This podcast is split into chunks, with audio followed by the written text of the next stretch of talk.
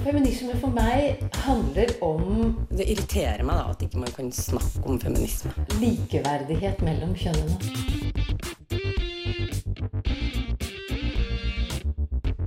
Det blikket på kvinnen på film. Det handlet om å bli tatt på alvor som jente.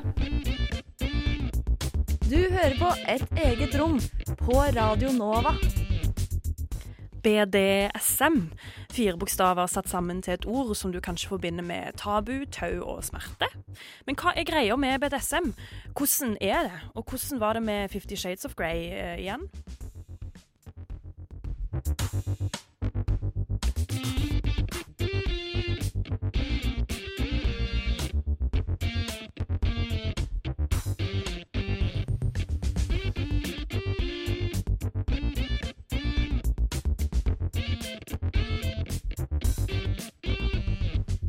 Og selv om det kanskje føles litt som at høsten er her med skolestart og jobbstart og sånn, så er det fortsatt sensommer.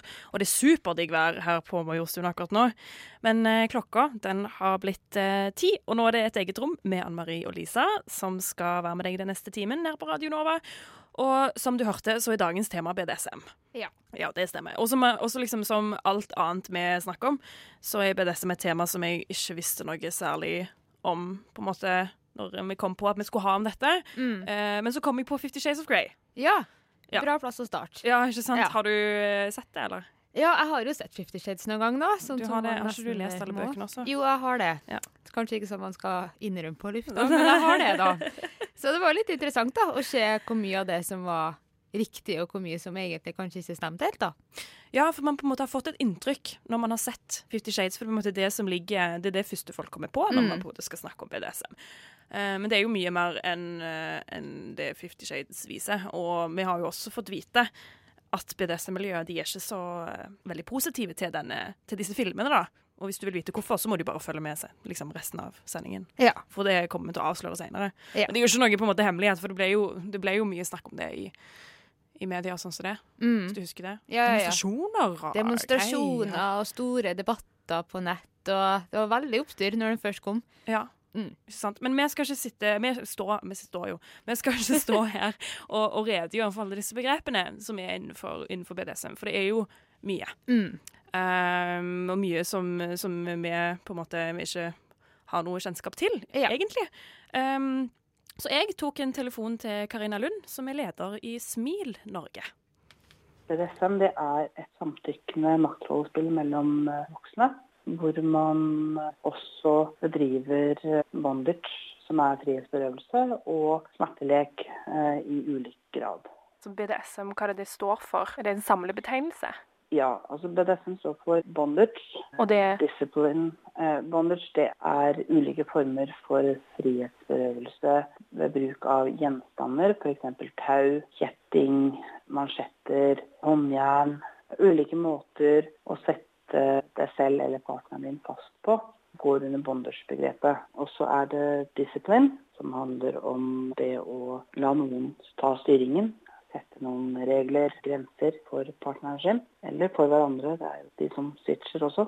Og så har du dominans, som handler om det å være den som har kontroll. Og submission, som handler om å være den som lever under en som har kontroll i en eller annen form. Og så har du sadomaskisme, som handler om altså sadisme, som er det å nyte og påføre eller se andre være i en smertefull situasjon og samtidig nyte det. Og masochisme, som handler om å nyte å bli påført eller være i en smertefull situasjon på bakgrunn av at, man, at det er noe man liker, eh, og at man har vært med på det selv. Hva er det som på en måte driver sadistene? Det er i hvert fall, altså Sånn som jeg har fått forstått det, så er det det å se at partneren klarer å nyte smertestimuli eh, og bli veldig seksuelt opphissa av det.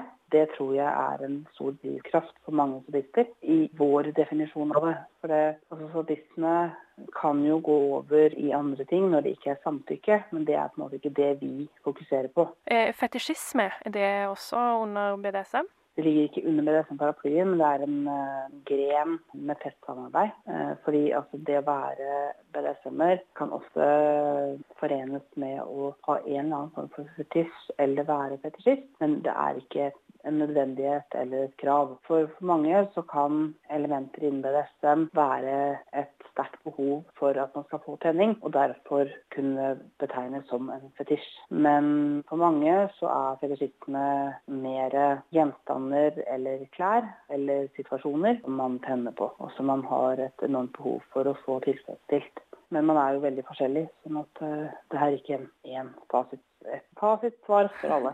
Eh, så lurte jeg på, noen sammenheng mellom ulike kjønn og roller? I mange sammenhenger så tror man at det er et stort flertall av mannlige dominante og kvinnelige underdanige. Vi ser like stor grad av mange mannlige underdanige og kvinnelige dominante, og de som liker begge deler av begge kjønn. Sånn at det er ikke noe utprega kjønnsfordeling, sånn hvis man ser på en helhet. Men i enkeltgrupper så kan, kan det være særtilfeller av at det er veldig overvekt av den ene eller den andre gruppa, men ikke noe som man ser på generelt grunnlag på nasjonalt plan.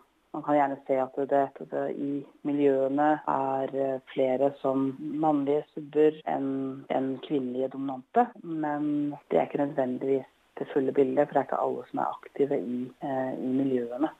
Der hørte du lederen i Smil Norge, Karina Lund. Eh, og Smil Norge det er en interesseorganisasjon for BDSM-ere og fetisjister i Norge. Eh, som bedriver på en måte tverrfaglig samarbeid med ulike fagmiljøer og interesseorganisasjoner. Og så driver de med foredragsvirksomhet og kunnskapsformidling, politisk arbeid og mediearbeid. Så det er typisk at du har sett dem på Pride i Pride Park, f.eks. Ja. Uh, og det høres kanskje litt uh, rart ut om man skal på en måte ha en interesseorganisasjon som en, og, liksom for en seksuell praktisk, praksis, men altså, tro meg, altså, historisk sett så har BDSM-ere virkelig blitt sett ned på. Mm. Uh, men det skal du få høre litt mer om etter en liten låt. Og du får norske Jimmy Somewhere her med The Beach. Du hører de siste tonene til Fine The Beach av 19 år gamle Jimmy Somewhere eh, på Radio Nova. Flink, veldig fin låt. Du hører på et eget rom, og nå har vi kommet til det punktet hvor det er på tide med en liten historisk innføring. Ja. Ja. Og for mange så tenker kanskje BDSM er noe nytt, men det er det, det, er det ikke. Absolutt ikke. og. Sofia Fischer har sett litt på denne sterkt tabubelagte seksuelle praksisen. Mange drømmer om sex, nærhet og relasjoner som er lite utenfor det vanlige. Men det kan være svårt å sette ord på det. Det finns många sätt att leva ut sin sexualitet. BDSM och fetishmen är något av dem. Det kan vara något man gör ibland, den där extra kryddan. Det kan också vara en livsstil. Så här är jag. Något som är en del av personens grundläggande identitet. BDSM är ett samlingsnamn för en grupp erotiska tekniker. Bondage, disciplin och dominans, sadism och machinism. Genom tiden har BDSM blivit sett på som något farligt, perverst och sjukt. Även idag finns det många människor som delar dessa åsikter, att det är något farligt och avvikande. Jag undrar ofta varför. Varför folk agerar så starkt på tabubelagda sexuella praktiker. För att finna svar på detta tränger vi nog gå tillbaka i tiden. Sadism och masochism är begrepp som blev introducerade i slutet av 1800-talet. Ordet sadism kommer utsprungen från den franske författaren Marcus de Sades som beskrev i sine verk annat om sadistisk utlevnad. Släktnamnet Sade blev ganska snabbt en del av den allmänna språkbruket. Neologismen sadism dök upp i 1834 i Dictionary Universal där ordet representerar den fruktansvärd tillfarelse utifrån sadeslösheten, monstruöst och antisocialt system som revolter mot naturen. Jag fortsätter. Detta är ett namn som alla känner men som ingen utsäger. Handen darrar när det skrives och när det höres låtes det dystert, står det i den franska uppslagsboken från 1857 i artikeln om Sade. Inte nog med att den här mannen förespråkar orgier. Han uppmanar till stöld, föräldramord, helgerån, skänkning av gravar, barnmord, alla möjliga hemskheter. Han kom på brott som inte ens fanns i brottsbalken. Han tänkte ut tortyrmetoder som inkvisitionen inte hade kunnat drömma om. I psykiatrisk terminologi infördes ordet sadism mot slutet av 1800-talet av professor Richard von Kraft. Termen masochism å sin sida är namngivet av författaren Leopard von Serch Masco som beskrev fantasier om underkastelse. Freud menade senare att sadism och masochism bara var två olika sidor av samma mynt och slog ihop termerna till begreppet sadomasochism som då var något sjukt och perverst. Men sen kom the liberating 60s och BDSM fick en uppsving.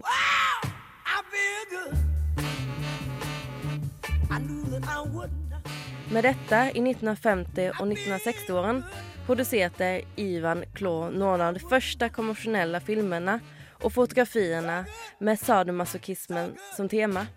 På 1970 og 80-tallet kom det en bromskloss for sadomasochismen.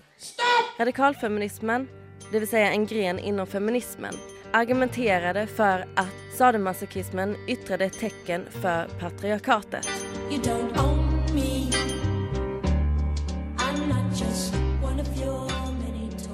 Det kom også en stor antiporrrörelse som använde sadomasochismen for å vise hvordan porr kunne være skadligt. Från mitten av 1990-talet gav internett folk möjligheten til å finne andre med spesielle interesser rundt om i verden og kommunisere anonymt med dem. Detta førte til en eksplosjon i intressen for og kunnskap om sadomasochismen og fikk mennesker til å i en større grad ifrågasette de tradisjonelle seksuelle rollene. Queer-teorien kom inn i vetenskapen og også blant sexaktivisterna. Men BDSM klassificerades fortfarande som en psykisk störning. Alltså som något farligt, perverst och sjukt.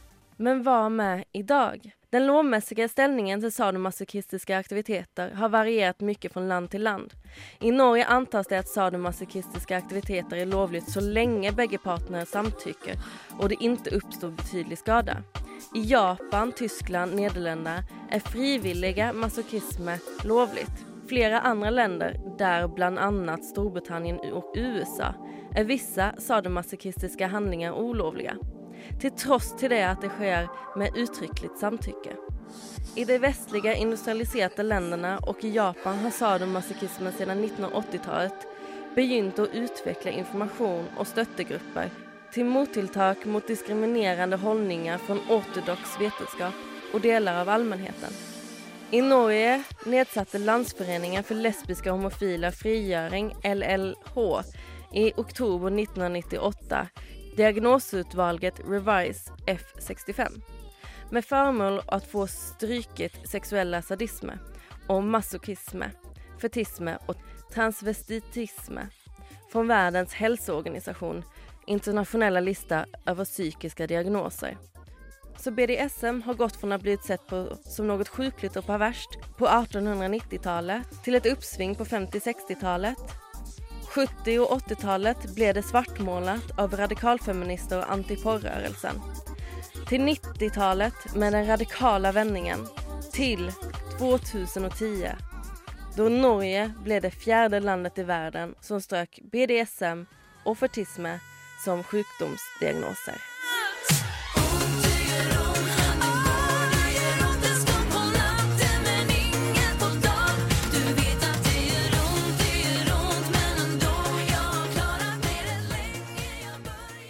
Du hørte altså Sofia Fischer gi oss en liten historisk innføring i BDSM-praksis.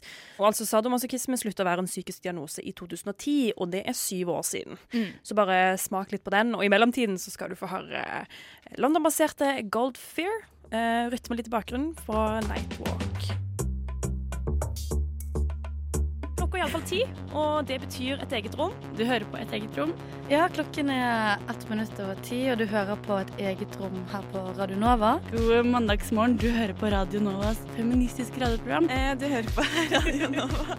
Eh, et eget rom. Hvis du er ung og nysgjerrig på BDSM, så finnes det et utvalg under Skeiv ungdom, som er en arena, arena hvor du kan bli kjent med andre og lære mer om BDSM. Og vi har tatt oss en prat med den 20 år gamle lederen i Ung BDSM. Eh, og hun ønsker å være anonym. Så derfor så er det stemmen til Rakel Oliva Ødegård Skaugen du hører her.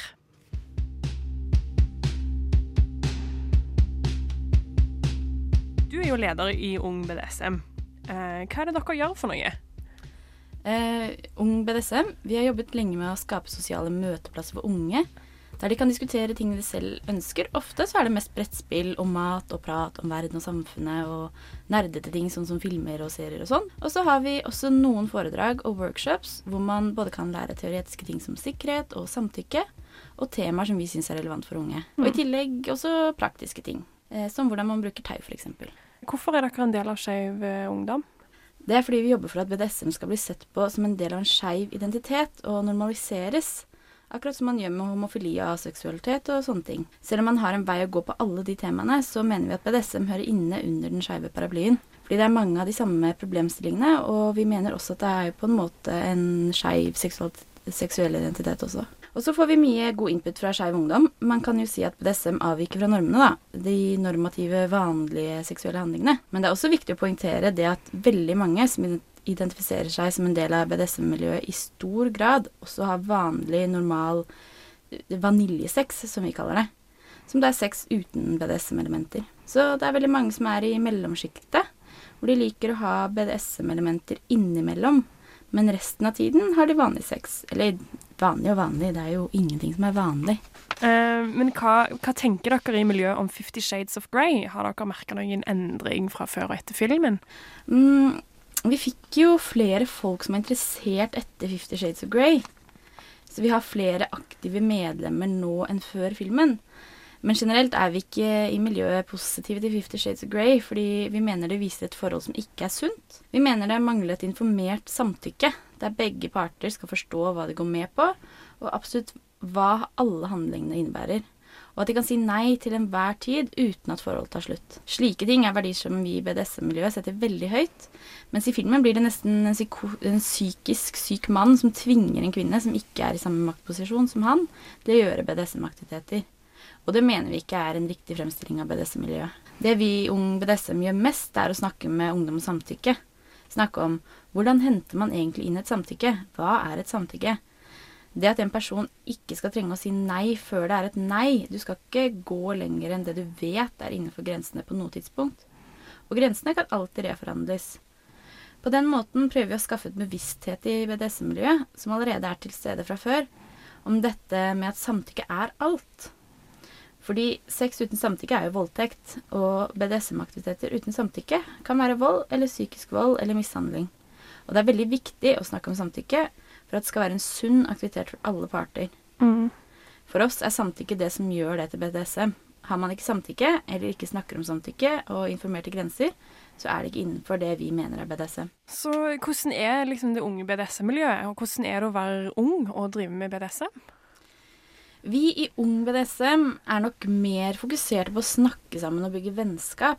Særlig med fokus på det at eh, hvis man er ung, så er man kanskje i en sårbar posisjon ut i resten av BDSM-miljøet. Og da er det fint å ha mennesker som man kan snakke med, og som ikke er seksualpartneren sin. da. Og så er det mye prat og skravling, og mange av mine beste venner er fra BDSM-miljøet. Så det er veldig åpent og inkluderende miljø som tar imot alle.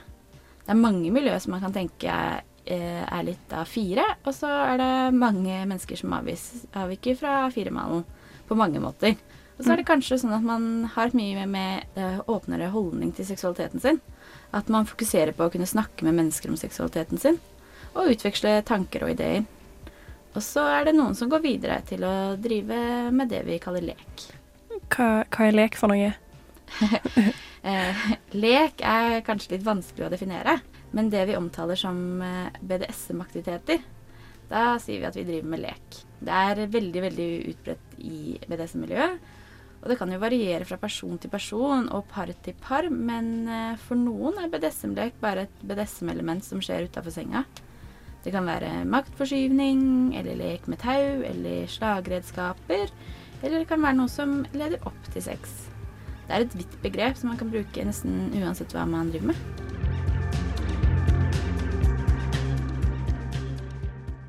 Du skal snart få høre andre del av dette intervjuet, men først så skal du få høre en eh, superfin låt fra London-baserte Shame. Visa Vulture får du her.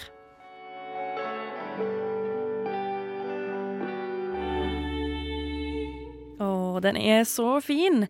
Du hørte Shame med Visa Vulture her på Radio Nova, og nå skal du få del to av intervjuet med lederen i Ung BDSM.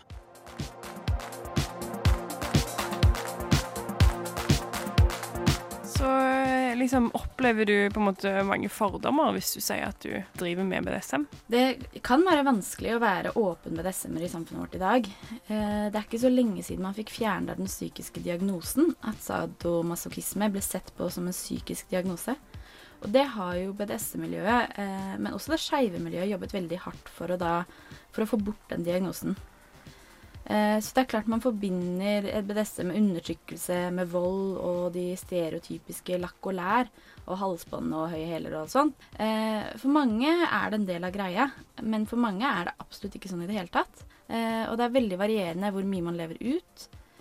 Men hvis man kommer ut av skapet til vennene f.eks., så får man ofte en reaksjon på at oi, å, er det sånn pisk og slag og lakk? Mm. Eh, og det kan jo være litt stigmatiserende eh, når du kommer ut og prøver å åpne deg, som en, åpne deg om en seksuell aktivitet. Og så ser de på det som en sånn syk greie. Det er sånn Oi, BDSM er helt sykt. og det er det jo ikke. Eh, særlig når det også kan variere veldig. BDSM-elementer kan jo også være det man anser for helt uh, innafor vanlig sex også. Mm. Men uh, hvorfor, uh, hvorfor, vil du være anonym? Det er en del diskriminering overfor BDSM-ere. Særlig overfor BDSM-ere som jobber innenfor helse eller med barn. og det å komme ut av BDSM-skapet er et valg du må ta på lang sikt. Det er folk som har mistet jobben sin fordi de har blitt identifisert som BDSM-ere. F.eks. folk som jobber som lærere, dessverre. Eh, for min del er jeg bare for ung, og ikke på det tidspunktet at jeg ønsker å være åpen i media om det. Så jeg er åpen overfor venner og kjæreste og sånne ting, men jeg holder det da for meg selv ute i verden, da. Når man skal finne seg en partner, om man sjøl driver med BDSM, eh, er det sånn at man går eh, på jakt på en måte innad i miljøet, eller hvordan er det er det, det skjer? Eh, det er et ganske artig spørsmål, sånn sett. Det er um, veldig mange som bruker miljøet som datingsted. Uh, at de prøver å finne seg en kjæreste innad i miljøet. Særlig på de stedene man driver med lek. Uh, F.eks. Oslo BDSM er lokaler hvor man kan drive med lek. Og Da er det klart at det dannes kjærestepar i mange former. Uh, men personlig har jeg funnet kjæreste utenfor miljøet, og det har fungert fint. Det spørs jo litt hva slags BDSM man driver med, og hvor aktiv man vil være. Noen BDSM-ere mener jo at BDSM bør være en del av det daglige seksuallivet. At det må være BDSM for at det skal være sex. Mens andre har et mye mer innimellom-perspektiv. Hvor man fint kan ha en partner som egentlig ikke er så glad i BDSM, men som kan dra deg litt i håret eller ta tak i deg litt hardt, f.eks. Eh, så det varierer litt fra person til person om det vil fungere å være på Tinder. eh, jeg, jeg, tenkte på det med eh, feminisme. Ehm, jeg vet at noen feministiske foreninger som eh, mener at BDSM er undertrykkende.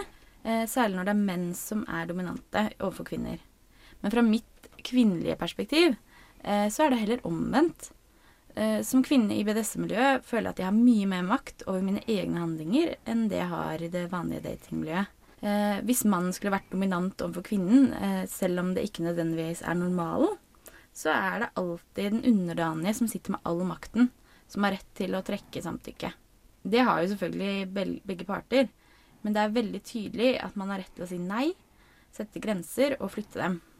I parforhold uten BDSM så har jeg opplevd selv også at det kan være litt sånn at de gjør det de vil, og så havner man kanskje mer i situasjoner hvor man som kvinne kan føle seg ukomfortabel. På byen, f.eks. I BDS-miljøet så er det veldig sånn at mange spør om de kan legge hånda på skulderen din, uansett hvilket kjønn du er. Og det opplever jeg ikke ikke på bar, i hvert fall. Så jeg syns det er viktig å snakke om det feministiske perspektivet. Eh, at det må ikke være undertrykkende. At det heller kan være det motsatte. Og det er mange kvinner som er dominante også.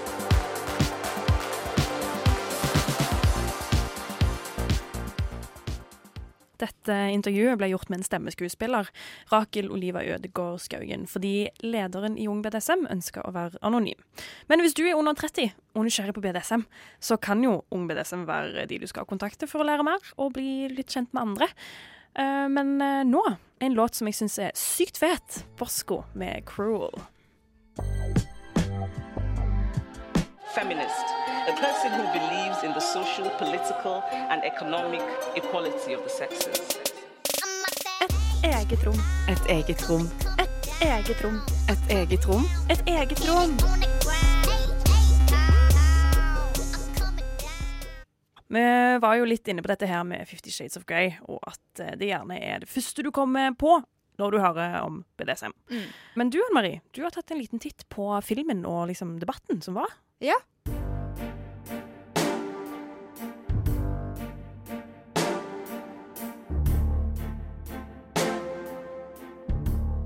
I 2011 kom den første boka i Fifty Shades-serien, og ble på kort tid en av de bestselgende bøkene på markedet. Få år etter ble det annonsert at boka skulle bli til film, og siden har det vært en stor debatt rundt verdiene i trilogien. I trilogien møter vi Christian Grey, som har klart å fange oppmerksomheten til Anastasia Steele, og det blir tydelig for oss alle at det forholdet her så vidt har begynt. Det er likevel noe som skurrer, når Grey allerede i det første møtet mellom de kommende elskerne utstråler en energi som jeg ikke kan karakterisere som noe annet enn urovekkende. Det blir snart klart at den følelsen her ikke forsvinner, og det virker for meg overraskende at min stil ikke har samme reaksjon som det jeg har. Men det er kanskje det her som har gjort filmen og bøkene så populære? Den evige spenninga mellom fare og seksuell tiltrekkelse til den kjekke, mystiske mannen vi ikke lærer å kjenne før vi har tvunget oss gjennom alle tre bøkene på søken etter forståelse. Men hva er det egentlig som er problemet her? Hvorfor har den serien her skapt så mange sterke meninger blant folk?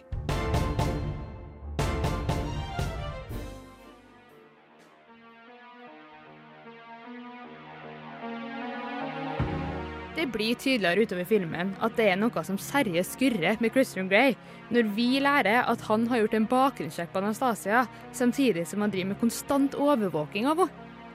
Det er kanskje til og med innafor å si at det er manipulerende når Grey tar med seg en full Anastasia vekk fra vennene hans og til sitt eget hotellrom som han har leid fordi han ikke engang bor i området. Det er likevel den seksuelle delen av Christian Grey som har fått mest oppmerksomhet. Og mange vil si at det er også grunnen til at filmene og bøkene har blitt så populære. Grey er nemlig en sadomasochist som liker å være dominante i et seksuelt forhold, samtidig som har blitt hendt av å utøve vold mot sin seksuelle partner. I filmen får vi se at han binder Anastasia fast, legger bind for øynene hans og pisker ulike deler av kroppen hennes. Christian Grey utøver med andre ord BDSM.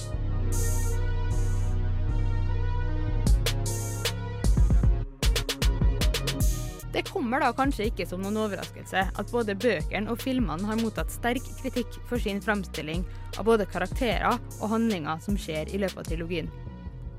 Kvinnegruppa Ottar, Kvinnefronten og Under arbeid med flere møtte f.eks.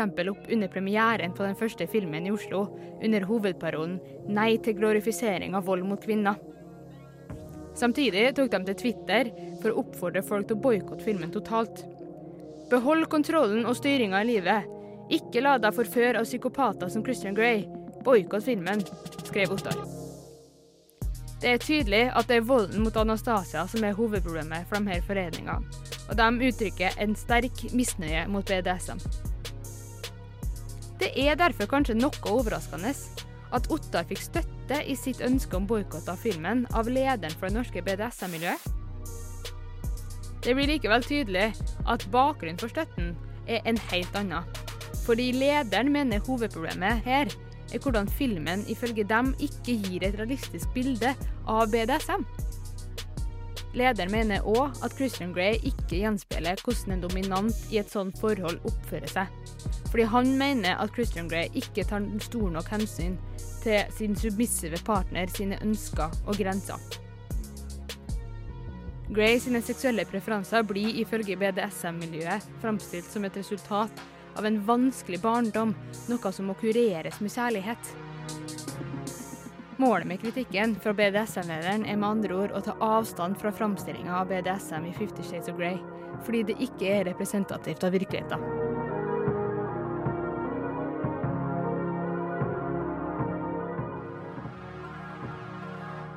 Fifty Shades of Grey har klart å provosere flere ulike sider av samfunnet med sin framstilling av BDSM, og jeg vil si meg enig i mye av kritikken. I tillegg til å være en under gjennomsnittet god film, er det tydelig at filmen framstiller BDSM på en måte som strider mot det bildet man får hvis man tar seg en nærmere titt.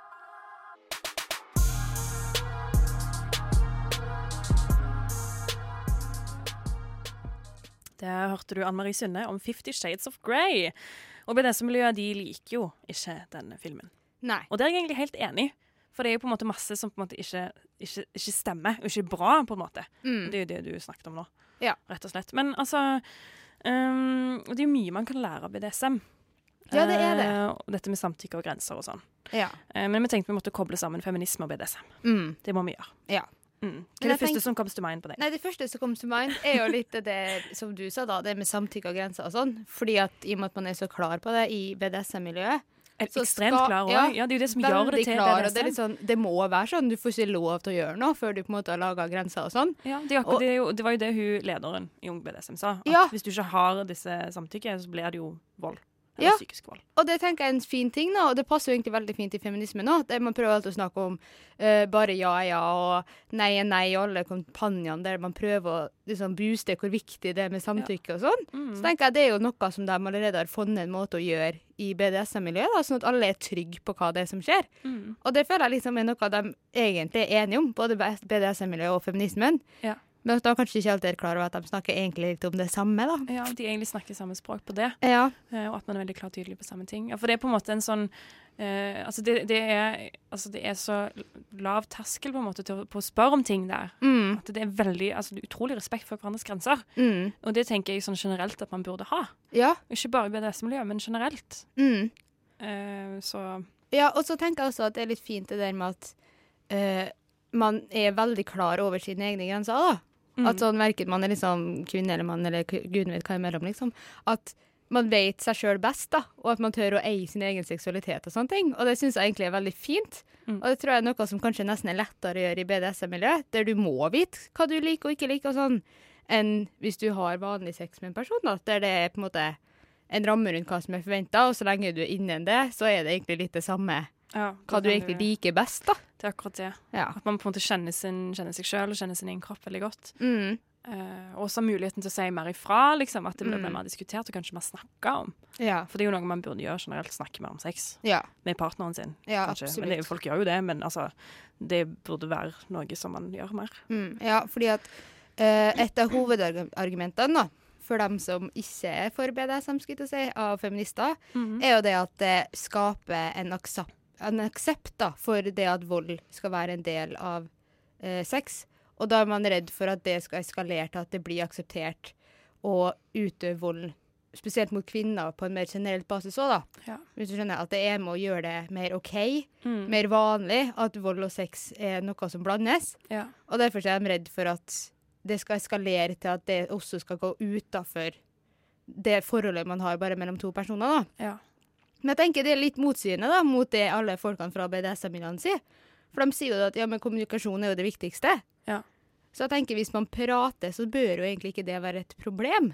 Ja, og så er det jo også det med at eh, BDSM-sex, altså nytelse, er jo involvert. Det er jo nytelse. Mm. Det er jo på en måte det det har med å gjøre. Mm. Eh, det er det som er greia her, liksom. Ja. Så da er det jo på en måte vold, men det er nytelse inne i bildet. Eller det er det som er greia. Mm. Så Ja. det blir liksom noe annet. Men jeg kan jo, jeg kan jo på en måte for så vidt forstå litt det argumentet. Altså, Det er jo en veldig, eh, veldig enkel slutning å dra, da. Mm. Ja, for jeg tror det er noe man må ta veldig seriøst. Det der med Altså, det er jo vold og smerte, eller det kan jo få være vold og smerte involvert, og det skal man jo ta veldig seriøst, og det må gjøres på riktig måte. Hvis Mhm. ikke er det jo vold og voldtekt og alt som ikke er greit. Ja. Men jeg tenker, man må jo også huske at hvis det at BDSM er gjort riktig, så er det jo et fritt valg inni det her.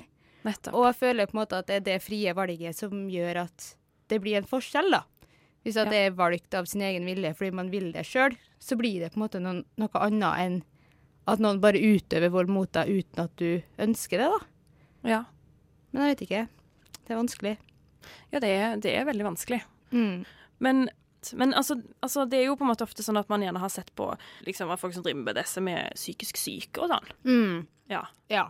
Det liksom, det, det, vi sa jo det òg, at det ble liksom sluttet å være en diagnose i 2010. Ja. Ja. ja og det syns jeg egentlig er veldig fint, da. Fordi nå er det jo sett på som en eh, hva man skal kalle det, en seksuell preferanse, nesten. Ja, identitet En, også, ja, på et plan. Ja, en seksuell identitet, på en måte. Ja. Og så er det jo litt interessant det der med sånn eh, syke og sånn. Ja. Fordi at det er jo eh, undersøkelser som har vist, det er en undersøkelse fra 2014, Ja. som viste at eh, mennesker som utøver, eh, eller gjør et BDSM, da, er enten gjennomsnittlig eller høyere scora enn folk som gjør vaniljesex, da, for å kalle det det, på alt mulig som går på å være utadvendt og på å være trygg på seg sjøl, Ja. på å være flink å kommunisere og sånn, Ja. så scorer ofte folk som driver med BDSM høyere Mm. enn dem som driver med vanlig sex. Så det er jo litt interessant. Tipper det har med kommunikasjon og åpenhet å gjøre. Ja, at man kjenner seg sjøl, og man kjenner sine egne grenser. Ja, jeg tror det. Ja. Så det er veldig mye man kan lære av BDSM, altså. Mm. Men uh, tiden løper fra oss. Uh, du skal få høre Superorganism. It's all good.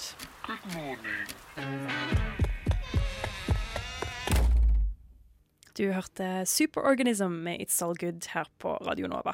Og Et eget rom går egentlig mot slutten og er over for eh, denne gang. Men hvis du akkurat eh, nå skrudde på radioen og vil ha med deg resten av sendingen, så kan du sjekke oss eh, ut på podkast-appen på telefonen din. Og følg oss gjerne på Facebook og Instagram for jevnlige updates. Så det er jo Lisa Aasbø, meg og Ann Marie Sunde som har vært med deg i studio i dag. Og tekniker har vært Hellige Svensson og Ulrikke Svenne. Og så kan vi på en måte, vi kan jo tise litt med at eh, neste uke så skal vi undersøke nynazisme litt. Ja. Ja. Litt. Litt. Ja. På grunn av den demonstrasjonen som har vært i, eh, i Kristiansand, og litt lys av det. Og Mm. se litt på deres syn på skeive. Mm. Mm, det blir eh, superspennende. Ja. Men her i bakgrunnen så snurrer det og går en låt nå som du skal få med deg på vei ut. 'Venn' med Real Blood.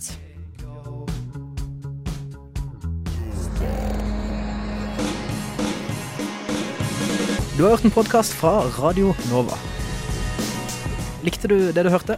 Du finner flere podkaster i iTunes og på våre hjemmesider radionova.no.